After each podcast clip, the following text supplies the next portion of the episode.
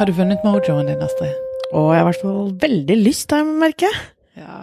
ja det var eh, kjempe, kjempeinspirerende å høre på Josef Omar, som vi snakket, eh, eh, snakket med og fikk høre på Social Media Days. Så Mm. vi, eh, vi tok en prat med han, vi. Vi gjorde det. Vi inviterte han rett og slett inn på hotellrommet vårt på Clarion Folketeatret i Oslo, rett ved siden av konferansesalen. Og eh, fikk tatt en god prat med han om eh, mobiljournalistikk, om eh, det å lage innhold bare ved bruk av enkle virkemidler som mobil. Mm. Ja, mobilkommunikasjon. For Mm. han, han har jo Altså, han jobber som journalist, men uh, i tillegg så brenner han jo for dette her med storytelling i uh, digitale kanaler spesielt. Og han bruker eh, de kanalene som vi kjenner til, på en ganske ukonvensjonell måte. Så han har jo vunnet drøssevis med priser, og eh, vi ble superfascinert av eh, hvor klok denne her eh, 28 år gamle unge mannen var. Velkommen til Sosialt sett, en podkast om teknologi, kommunikasjon og liv imellom, med Heidi Sperre og Astrid Valen Utvik, og i dag med et intervju med Yusuf Omar fra Hindustrian Times. Mobile journalism is mojo, and I'm all about helping newsrooms find their mojo. Um, it's the idea that you can shoot, you can edit, you can broadcast, you can publish from one device, and it's that device that's in your pocket, your mobile phone. Since 9-11, since the Twin Towers went down, it hasn't been big broadcast cameras that have been, uh, publishing the biggest stories of our times. It's been people with phones who have been in the right place at the wrong time. Um, but we've gone a long way from just being able to capture footage on our phones. We can now go live to Facebook uh, and broadcast to the entire world. We can now edit entire documentaries. We can use uh, apps like Snapchat to do incredible things with filters to hide identities. Um, we're just beginning to understand the potential of mobile devices for journalistic storytelling. Uh, and I think for anybody who's getting into the journalistic business today, uh, they really need to regard their phone as their most powerful tool. Uh, if the pen was mightier than the sword and its ability to uh, take down abuses of power, uh, the mobile phone is like an atomic agent of change. It's it's really a powerful device, and and just over the last few years, we've seen young people around the world who have been able to mobilize millions and millions of people, largely because of social media and because of their ability to tell stories using their mobile phones. Uh, the Arab Spring was was given birth to by people telling stories using their mobile phones. Uh, the Syrian civil war is another example. Uh, and this is only getting greater and greater, but we're now finding applications for it in professional journalistic terms. Do you have any uh, comments on what you think that will do for the uh, media industry, the more traditional media industry? So traditional media at first feel threatened by mobile journalism in the same way that tailors felt threatened by the sewing machines of their time and they wanted to burn down the sewing machines. Uh, but eventually it, it ends up doing a few things. Mobile journalism firstly cuts costs tremendously. Yeah. Uh, it really started to come into the newsrooms in around 2008 when Europe and North America started experiencing recessions and they had to cut back. And the first thing they cut was on the big broadcast cameras and they managed to do the, a s an equally high quality of work using mobile phones, which are now filming in 4K or in high definition. Uh, but then we started seeing something else that footage that was being produced and shot and edited on a mobile phone was performing better than that that was taken on a big camera. And that's quite odd because you'd think that the big expensive camera would do better footage and provide better stories. But in actuality, when you're producing on a mobile phone, you are thinking about how a mobile audience wants to digest that content. You are thinking about the length. You're thinking about what size the subtitles should be. Uh, all of your decisions are being defined by the mobile device. So mobile journalism or Mojo is, is not just by a mobile phone, but it's also for mobile devices. Uh, and uh, do you think that the communication is very differently from the, the normal TV studio and the and the uh, the communication uh, we we have seen traditionally? Yeah, the visual storytelling language has changed fundamentally Yeah. with mobile journalism. Uh, because effectively none of the rules apply anymore. Broadcast is defined by quite strict and rules that have been built up over the last 50, 60 years.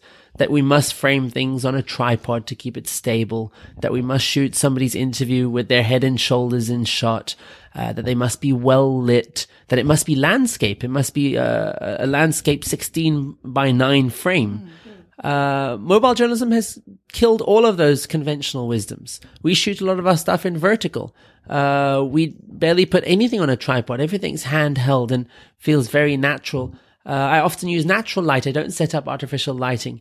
Um, and what does that do? It actually provides a more real, a more raw uh, experience. The You're kind of an eyewitness to the whole thing. yeah, exactly. So, yeah. Exactly. And in an age of, of, of fake news and in an age where people feel they're being manipulated uh, so much by what they're seeing in the press, when they see mobile journalism, they see something that they can seemingly relate to because it looks like something they could have potentially shot. But that's where the question comes in. If if your audience can and now have devices that are as good as the phone that's in my pocket, what is the role of the journalist? If they can shoot footage and I can shoot on my phone, if that gap is becoming smaller and smaller, then you would think that the journalist's role is becoming irrelevant. But it's not quite that way. If everybody is becoming a mobile journalist, if everybody and everyone who's listening to this probably has shoots stuff on their phone all the time mm. and submits it to Facebook and to YouTube and online, these are all sources. And now as journalists, we have lots and lots and lots of sources. But our role perhaps has changed away from being the person who's on the ground shooting to becoming the curator, becoming the aggregator, being able to listen to all of these mobile journalists all around the world and being able to create stories. But I think the average person, the person with the phone in their pocket is not actually a journalist. I would prefer to call them a reporter. Yeah. I would say there's lots of citizen reporters, not citizen journalists. Mm. Because journalism comes with a set of ethics, a set of principles. Uh, we're governed by press codes and, and we, we, we hold ourselves to these standards. Um, but I think anyone can be a reporter. And I, I think we aggregate reporters and journalists and editors then create stories. Yeah, and and many of the stories you are telling is like you using social media for social good. Uh, you're reporting from war zones. You have reported about uh, Indian girls who are uh, taken advantage of and stuff like that.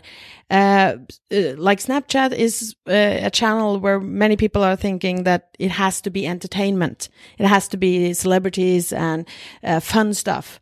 Uh, is that somewhat of a goal for you to just show different sides of the world using these uh, channels? Absolutely. So Snapchat is an app made famous for young people sharing nudies, naked pictures of themselves. And I think a lot of storytellers and, and communicators get stuck at that point. They still see it as being very frivolous, very childish, and they don't look at the potential for doing good storytelling, to look beyond the gimmicks and the fun stuff and say, how can we actually use this to tell meaningful content? Um, and that's really been my aim to, to, to, to look, to use these apps for unintended purposes. When Snapchat invented the face filters, uh, and if any of your listeners uh, go through any teenager's phone, you'll find lots of masks. We're constantly masquerading behind doggy tongues and all these funny uh, filters. I think when Snapchat designed that, they would have never imagined that it would have been utilized in the way we did when we were in the town of Mysore and I was interviewing 50 young girls who had been raped, sexually abused. And I was able to give them my phone, uh, and they were able to swipe through these filters and find one that would help hide their identity. Um, for the longest of time, television broadcasters would blur out their faces or they'd use silhouettes or would film their hands. And I felt that loses so much emotion. You don't capture the expressions on their face. Uh, and technology had to offer a better way. And, and in this case, Snapchat offered that utility. Uh, and as an audience, we still got to see their eyes, their mouths, all of these sorts of uh, very visual references. Uh, so yeah, Snapchat would have never designed it for that purpose, but to see the potential behind that. And that means that whichever platform is coming up next, be it Musical.ly or Live.ly or whatever, Instagram, how can we use that for better stories? How can we not take it at face value, uh, but really interrogate? Because actually, these platforms have got really powerful technology. Mm. The ability to map a face and to hide an identity is really complex. It would be really difficult to do on After Effects or to do yourself. Um, which is why increasingly I, I don't focus on developing. I don't think communications organizations and media houses should build the tool to do that. Hmm. We should use what already exists and focus most of our energy on storytelling, which is what we enjoy and what we're actually hmm. really good at. Hmm.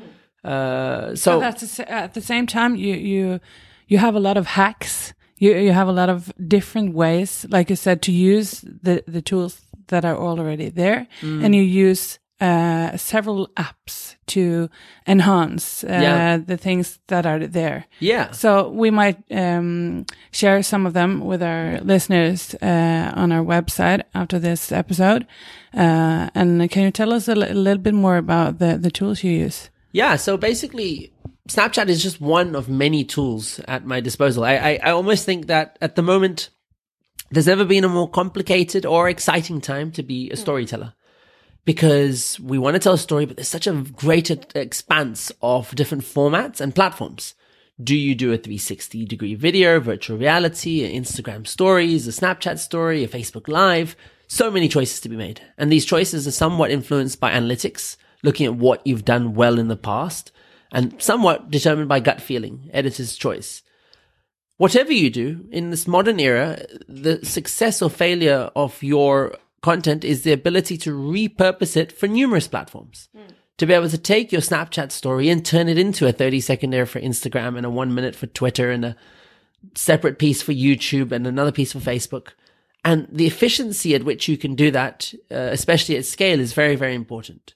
So fundamentally, I use Snapchat as my baseline. I, I film a lot of content through Snapchat because I think it's a really good content creation tool. Everyone's obsessing about how to get more viewers, followers, likes, all these kinds of things. I don't see it that way. I see it as a good place to build content, a vertical canvas to which I can put uh, text and emojis and all that stuff. And then I save it and I export it. And then I take it into other apps like iMovie, Luma Fusion, uh, Splice. Uh, there's a whole array of apps, and each app is a different tool with a different purpose. I'll take it into an app called Gravy when I want to add subtitles, for example. Um, and I'm I'm adding value, adding value on each of these apps, and and and making it very specific uh, for very different platforms. But in order to be specific, you have to understand that platform, and you have to understand the way people digest content on that platform. Uh, Facebook is a perfect example where uh, at the moment, 80% of our audience are not listening to the audio. They're watching the videos with the audio off. So we know that we need subtitles. So taking your Snap story and adding subtitles is, is one stage of that. Uh, on YouTube, for example, we know that longer form videos do long, do better, up to 10 minutes long, whereas Facebook might be a minute. So taking that same Snap story and turning it into a long form piece. Uh, and that ability to repurpose is very important today. And uh, now we're talking about the media industry and how we use this mobile journalism. But uh, a lot of uh, companies are not in the media industry, uh, selling products and services. Uh, do you have like uh, some tips or things they what they should focus on using Snapchat or mobile technology? Yeah, well, firstly, DIY, do it yourself. I think the days where you need a marketing agency or an advertising agency to take on all of your day to day communications needs are over. I think people are increasingly taking ownership of that because they have got access to these incredibly powerful tools like Facebook. Uh, and because the nature of content is no longer about putting out these studio quality Hollywood esque adverts, but rather feeding your loyal followers, your supporters of your service or your product with daily updates as to what you're doing and how you're doing it. Uh, and that is about largely dropping their guard to say, Hey, we're a company. We produce X. Uh, and we're not going to do polished stuff anymore. We're going to start putting out Facebook lives every day and take you inside and let But you know it takes like. time because a lot of them think the way you, say. They It's a have to cultural polish. It's yeah, it's a cultural shift. It's a cultural and shift and it's also trust. If you can trust your employees to take ownership of your social accounts. So Snapchat, for example, I like your company and I want to understand the inner workings of it. Why not hand your Snapchat account to a different person in the company every day? Which does two things. Firstly, it gives me access to see it from all angles. And secondly, it builds a digital culture within your entire organization where everybody from the editor in chief to the security guard is part of the Snapchat story and they're all producing. Uh, for me, the ideal organization that really understands Mojo, mobile journalism, or even MoCo, mobile communications, is one that empowers every level of their organization to become storytellers. Uh, because they've all got interesting stories to tell if you've got the time to listen. Uh, and they're all an important part of the DNA or the makeup of that organization. Um, and that's what mobile journalism does very well. It's about those hyper, hyper local stories, those stories that we don't get access to via traditional media that get forgotten on the fringes of your organization, uh, but yet are so authentic and so real. Yeah, and uh, both Heidi and me are working with a lot of companies who are actually telling those kind of stories from different angles of the companies and stuff like that. But uh, but often through uh, either our companies or the marketing department because they don't want to give up the control. They don't want to. They want to, someone to like uh, make sure it's uh, not improper things that get out or stuff like that. Uh, do you think uh, companies should give the give up some of the control? Yeah. So what we commonly see in organizations is a massive series of Zs where you produce a piece of video and then it has to be sent to somebody who has yeah. to edit it and somebody else who has to quality control it and somebody else who uploads it onto the social platform and another team that does it onto social media. And you end up diluting the original idea so many steps along the way where the person that's uploading onto social media doesn't actually know what this video is about anymore. It's not like the guy who initially shot it and had the passion for it. Uh, so where possible, if you can create a direct line between content creator, guy who's filming on his phone, and upload directly to social platforms, that's the best case scenario. It's immediate, it's fast. And I think that's going to largely happen with the advent of uh, fast internet and everything going live all the time. I fundamentally believe as we get towards 2020, 5G internet, we're all going to be live all the time. And, and that Z and that uh, obsession with, with quality content is, is going to uh, diminish because actual quality is, is reality. Uh, and, and when people start to understand that, uh, things flow better. But I also think organizations need to assess how much possible trouble they can get in by getting it wrong.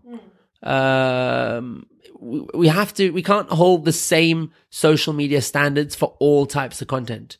Uh, some of it, I, I call it the, the traffic light, mm. where you have uh, red, red, yellow, and, and green.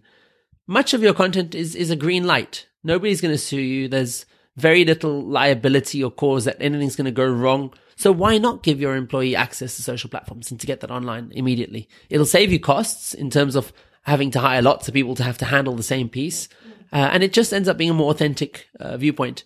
And that uh, access goes two ways. It's not just the ability for somebody to produce and upload. Your employees also have to have the ability to engage with the audience we often are very precious about who can talk on behalf of the company, who can represent the company on social pro- uh, profiles. Uh, and what happens then is we don't engage in the comments section as much as we could be with our audience, with our customers. Uh, who would be the best people to engage with the customers would be your employees. People who on a day to day engage with these products. They love what they do. They love who, uh, the people that they're providing them to. So why not enable them to talk in the comment sections? But again, it's all about trust. Yeah, but do you see some uh, uh, possible thing that could go wrong? Like for uh, either if it's uh, you reporting from a war zone, or is it normal company giving uh, the phone to the janitor or something? But uh, and maybe they produce a video that goes viral. And what about the human side of it? The the person maybe not knowing that how big this can be. Uh, like if you're reporting for some uh, local uh, news station and suddenly CNN picks it up and uh, it's uh, much larger larger than the person who who said it in the first place. Yeah, I I think that that comes with training. I think you'd have to train your employees to fully understand the ability for content to go viral and therefore the responsibility they have when handling these accounts. Mm. I think they would have to maintain the same ethical principles when handling social media as they would if they were writing a story in a newspaper or if they were going to speak on television on behalf of the company. Mm. Um, and they have to have the understanding that even Snapchat and all these ephemeral platforms or platforms that we think don't last forever, everything on the internet lasts forever. Mm. Um, so whatever you do put out has to become a record effectively, hmm. uh, that, that the organization has to live by. Um, so yeah, the, the, the, the risks of things uh, bubbling bigger than you intended, hmm. uh, are, are, are there. But at the same time, if the old adage, all publicity is good publicity, then perhaps it works. Yeah, maybe that's uh, why some companies are reluctant to give out the control because it's one thing that the communication department, the marketing department, they have uh, maybe a broader understanding of this. But if you give it out to uh, different people with not the background or not, they are uh, more reluctant to um, give out the control because they might not understand the uh, the communication, how it uh, can go viral and how big it can be. Yeah, it's all about training. It's Yeah. all about You have to train the people. you can empower uh, empowerment and empowering meaning empowering them with access to devices and device ex- access to, to platforms can only happen once you've uh, allowed them to experience new technologies and you've engaged with them and trained them and, and uh, as to the potential of how to use these. But the generation growing up t- today, they have this, uh, these skills more than the generation before. So they might be even more enabled to do these kinds of uh, jobs within their uh, main job. Totally right. I I think that the average age in in the teams that I'm working in is getting younger and younger, and I'm be- I'm only twenty. I'm turning twenty eight, and I'm becoming the oldest person in the team. uh, and it's because this this millennial generation, uh, totally they've they've been born and brought up with cell phones in their pockets and so, social media and mobile journalism, even if they don't call it that, is all they know, documenting their lives, and they've done it largely because it's empowered them. Uh, they've seen, they haven't felt the cost of uh, sharing their data. They've only found the gains. They found jobs on LinkedIn. They found loves on Facebook and Tinder. They, they've only had good experiences with social. Um, but increasingly, organizations need to bring these young voices into their boardroom meetings, Yeah. into their communications strategies. It shouldn't be the head of comms coming and saying, Hey guys, you guys need to start Snapchatting. And, and the millennials like, actually, we've been Snapchatting for like three years. Uh, bring these voices in early and, and allow them to seed different ideas into your ecosystem. Um, they're a real asset. And, and in many spaces, they're not, uh, being utilized as well as they could be. Do you, do you have any, because you are uh, very online, very in touch with your mobile phone, do you see any uh, thing that we should be worried about? Like uh, either for our generation or the coming uh, generation, we have a discussion in in Norway uh, now and then. With uh, you have to log off, you have to not be so on all the time. Do you see any only possibilities, or is it something we should be worrying about as well? Yeah, you're right. I mean, I'm totally a, a mobile evangelist. I, I live and, and die by my mobile phone, and and uh, I do hear that argument that people say you should turn off and, and enjoy other aspects. But in many respects, the mobile has actually connected us a lot more than we think. Uh, both in terms of me, I've got family. My parents live in Australia, and my family live in South Africa, and it's the only way I can connect with them. So it makes me more social, not less. Uh, and on a global sphere, in order to connect with humans around the world and to be able to help in situations when there's a earthquake that happens in Nepal, to be able to send a drone to get help, uh, to be able to people check in in Turkey when there's an explosion, so I know they're safe. For all of these reasons, I see so many positives. Um, yes, I think it's healthy to spend time off, and I think it's healthy also to be skeptical of everything you see on social media. Uh, again, in this age of, of fake news, uh, we are so polarized and we're getting drawn into such opposing camps and we don't even realize it because we're surrounded by like-minded views and like-minded opinions and friends that largely echo our own sentiment. Uh, the actual challenge for me is not putting down your phone, but if you are on your phone, is to escape your insular v- uh, points of view and to be on the other side of the internet. Uh, the very people that we often call trolls and we say are, uh, you know, these people that are racists and stuff in the comments section of YouTube, to realize that these are actually real people uh, with real stories on, on the other side of this echo chamber. Uh, and we need to start listening and engaging with those people. Uh, that's the only way we're going to build some sense of empathy, some sense of understanding between different types of people. Um, but uh, yeah, I, in terms of putting down my phone, I'm, I'm not doing it anytime soon because I, I enjoy it too much. Maybe this also is the last generation that has this uh, discussion because it's kind of a, a part of our body Yeah. after a while. So. yeah, I, I don't think our generation see it as a problem. I, I, I, we don't see it as a problem. We don't think we're any less social. And I know an older generation will see a group of young people sitting on their phones and they're all hanging out, but they're all sitting on their phones talking to other people elsewhere. Uh, but that's just the way we've evolved, and that's just the way we socialize. Excellent. I think we have uh, a lot of uh, good good info for for companies to to actually use start using start using their phone more and uh, creating uh, good stories. Be good uh, storytellers. Thank you so much for uh, talking to our podcast. Thank you so, so much for having me. It's been a fantastic experience. Social media for social good, altså. Det var helt fantastisk å høre på. Det traff meg midt i hjertet. Det er jo eh, Særlig det liksom Man tenker jo at eh, og våre kunder, vi skal selge noe, eller Man har jo selvfølgelig veldedige organisasjoner som jobber for virkelig bra ting, også gjennom sosiale medier, og det så vi også på, på konferansen med Kreftforeningen fikk flere priser og sånn. Eh, men det å bruke Snapchat på en sånn måte, det å kunne hjelpe eh, indiske jenter som har blitt seksuelt misbrukt, eh, og la de få en stemme Og bare det han forklarte av tradisjonelle medier som bruker silhuetter eller andre Ja. måter å anonymisere ofre på, og på den måten så skaper man en, en veldig distanse, Mm. og da, klarer man lettere å kanskje ikke bli så revet med, eller så eh, eh, Altså, historien blir ikke like reell, da. Nei. Men når han bruker disse filtrene, så ser du jo akkurat de samme Altså, du, du får Det blir veldig mye nærere med en gang. Pluss at filtrene er jo noe vi kjenner, så vi føler jo at det er noe som vi har hatt på vårt Mm. eget ansikt, altså vi som bruker Snapchat. Så, så det blir eh, ja, du tror, det var ut, Han var veldig, veldig kreativ. Mm. Eh, tenker ut av boksen. Virkelig. Det er noe som alle har å lære mye Ja. av. Uansett hva man holder på med, så det å klare å, å prøve å tenke hvordan vi kan bruke disse litt mer uh, ukonvensjonelt, altså at vi kan gjøre det på en litt annen måte enn det som alle andre gjør. Og det er jo det det handler om, å, å klare å overraske og finne sin egen greie, da. Ja.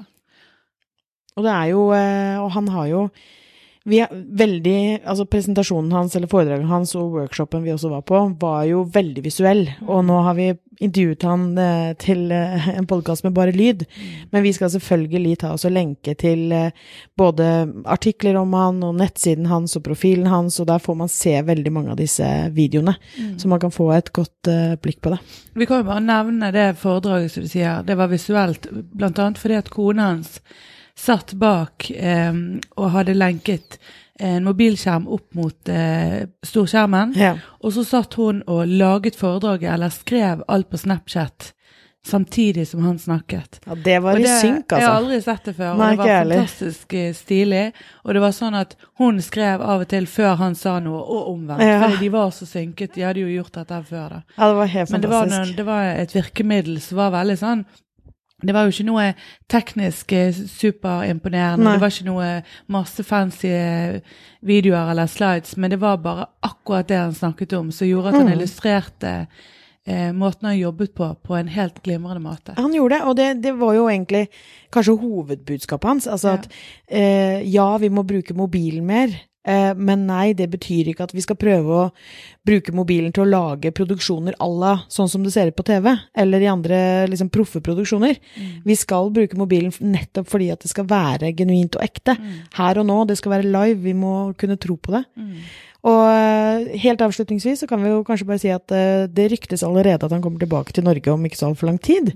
Og hvis noen får sjansen til å oppleve denne karen eh, i, på foredrag, så jeg kan i hvert fall vi varmt anbefale det. Mm, ja, virkelig. Mm. Takk Ja. for i dag, folkens. Hyggelig at dere hørte på. Håper dere noe, eh, fikk noe nyttig ut av det. Ja, takk for i dag. Og så hadde det vært hyggelig om dere eh, ga noen tilbakemeldinger. Vi skal som sagt eh, lenke til alle disse både apper og, og noen av artiklene som Josef Omar er, er omtalt i. Så høres vi neste uke. Ha det bra. Ha det.